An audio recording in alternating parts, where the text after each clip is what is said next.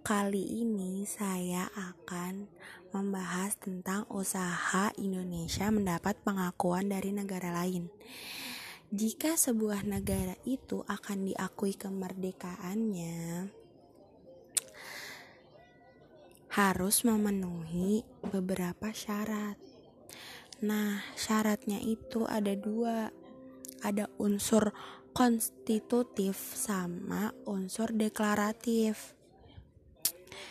Indonesia setelah proklamasi masih belum memenuhi unsur deklaratif yaitu pengakuan dari negara lain. Nah, hal itu yang membuat Indonesia butuh dukungan dan pengakuan. Untungnya, dalam kurun waktu setahun setelah proklamasi, Indonesia mendapat dukungan dari berbagai negara. Negara-negara pertama yang memberikan dukungan dan mengakui kemerdekaan Indonesia adalah Mesir, India, dan Australia. Nah, yang pertama ada negara Mesir.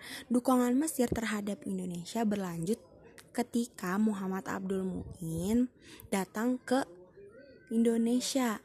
Tujuannya untuk menyampaikan pesan dari Liga Arab yang mendukung kemerdekaan Indonesia.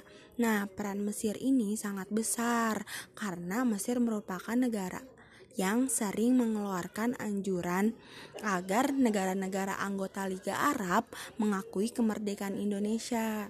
Kemudian, pada tanggal 10 Juni 1947 terjadi penandatanganan perjanjian persahabatan antara Indonesia dengan Mesir. Nah, pihak Indonesia diwakilkan oleh Agus Salim, AR Baswedan, Nazir Pamuncak, dan Rasjidi, sedangkan pihak Mesir diwakilkan oleh Mahmud Fahmi Nokrasi. Nah, di sini untuk pertama kalinya Republik Indonesia itu mendirikan kedutaan besar di luar negeri. Nah, itu di negara Mesir. Nah, yang kedua ada negara India. Pada tahun 1946, Indonesia melakukan diplomasi beras dengan India. Jadi Indonesia itu mengirim bantuan sebesar 500 ton beras kepada India karena Waktu itu tuh India lagi krisis pangan akibat penjajahan dari Inggris. Nah, sebenarnya diplomasi yang dilakukan oleh Sultan Syahrir ini lebih bersifat politis. Kenapa lebih bersifat politis? Karena dengan peran Indonesia kepada India, India menjadi salah satu negara di Asia yang terus menyuarakan perjuangan kemerdekaan bangsa Indonesia Kemudian, India itu memprakarsai diadakannya konferensi Inter Asia atau konferensi Delhi pada 20 sampai 25 Januari 1949. Nah, yang memprakarsai ini Pandit Jawaharlal Nehru. Bahkan India sampai mengirim pesawat untuk menjemput delegasi Indonesia yaitu Haji Agus Salim. Nah, konferensinya tuh dihadiri oleh beberapa negara kayak Arab Saudi, Ethiopia, Burma, Iran, Irak, Australia, Afghanistan, Selandia Baru, Yaman, Sri Lanka, Nepal, Republik Rakyat Tiongkok, dan Muang Thai. Nah, dari konferensi Interasia ini kan ada hasilnya. Nah, hasilnya itu disampaikan kepada Dewan Keamanan PBB. Kemudian Dewan Keamanan PBB itu mengeluarkan resolusi pada 29 Januari 1949 buat menindaklanjuti hasil tersebut. Nah, apa saja? Tiga pokok tiga pokok resolusi Dewan Keamanan PBB. Yang pertama, segera melakukan genjatan senjata. Yang kedua, pembebasan semua tawanan politik RI dan mengembalikan pemerintahan RI ke Yogyakarta. Yang ketiga, mengadakan perundingan di bawah pengawasan UNCI, pengganti KTN, pengganti Komisi Tiga Negara yang memiliki wewenang. Nah, wewenangnya ada tiga. Yang pertama, memprakarsai perundingan dengan wakil-wakil daerah di Indonesia untuk membentuk pemerintahan sementara selamat-lambatnya pada 15 Maret 1949. Nah, yang kedua, menyelenggarakan pemilihan umum untuk memilih Majelis Konstitusi sebelum terbentuknya RIS, Republik Indonesia Serikat. Nah, yang ketiga, penyerahan kedaulatan terhadap RIS selambat-lambatnya pada tanggal 1 Juli 1949.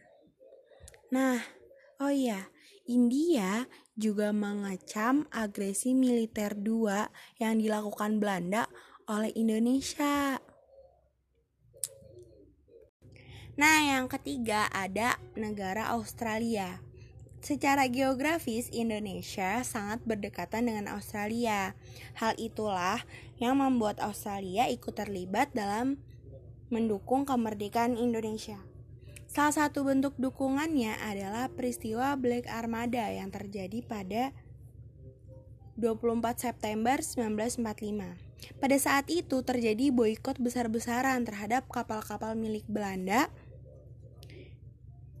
yang melintas di pelabuhan Australia yang membawa persenjataan milik Belanda menuju Indonesia. Kejadian tersebut didukung oleh Partai Buruh Australia yang pada saat itu menguasai pemerintahan Australia. Akibat dari peristiwa Black Armada, terdapat 400 armada kapal milik Belanda yang tidak bisa lanjut perjalanan ke Indonesia. Nah, selain itu, para pekerja di pelabuhan Sydney juga menggelar aksi unjuk rasa di depan kantor diplomatik Belanda dan memasang spanduk bertuliskan Hands Off Indonesia. Australia memiliki beberapa peran terhadap Indonesia yaitu memfasilitasi kembalinya 1400 tawanan perang Belanda asal Indonesia kembali ke tanah air. Duduk dalam komite PBB untuk mendesak agar kemerdekaan Indonesia segera diakui.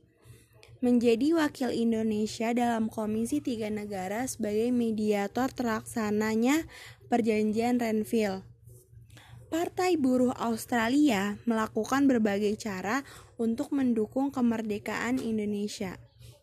Jadi, berbagai upaya yang dilakukan oleh Australia mengakui kemerdekaan Indonesia ini mendapatkan pujian dari Sultan Syahrir. Pada pidatonya, Syahrir menyatakan bahwa Australia adalah teman. Kenapa? Karena melihat dari pengalaman kedua negara, pada saat Perang Pasifik melawan Jepang, Sultan Syahrir juga berjanji jika Indonesia merdeka, maka Indonesia akan membantu kedaulatan Australia. Nah, selain ketiga negara itu, ada juga nih dukungan dari Perserikatan Bangsa-Bangsa atau PBB. Ya, PBB itu adalah organisasi internasional yang bersifat global dan dibentuk setelah berakhirnya Perang Dunia Kedua. Sejak PBB didirikan, lembaga ini konsisten mendukung Indonesia sebagai negara yang merdeka.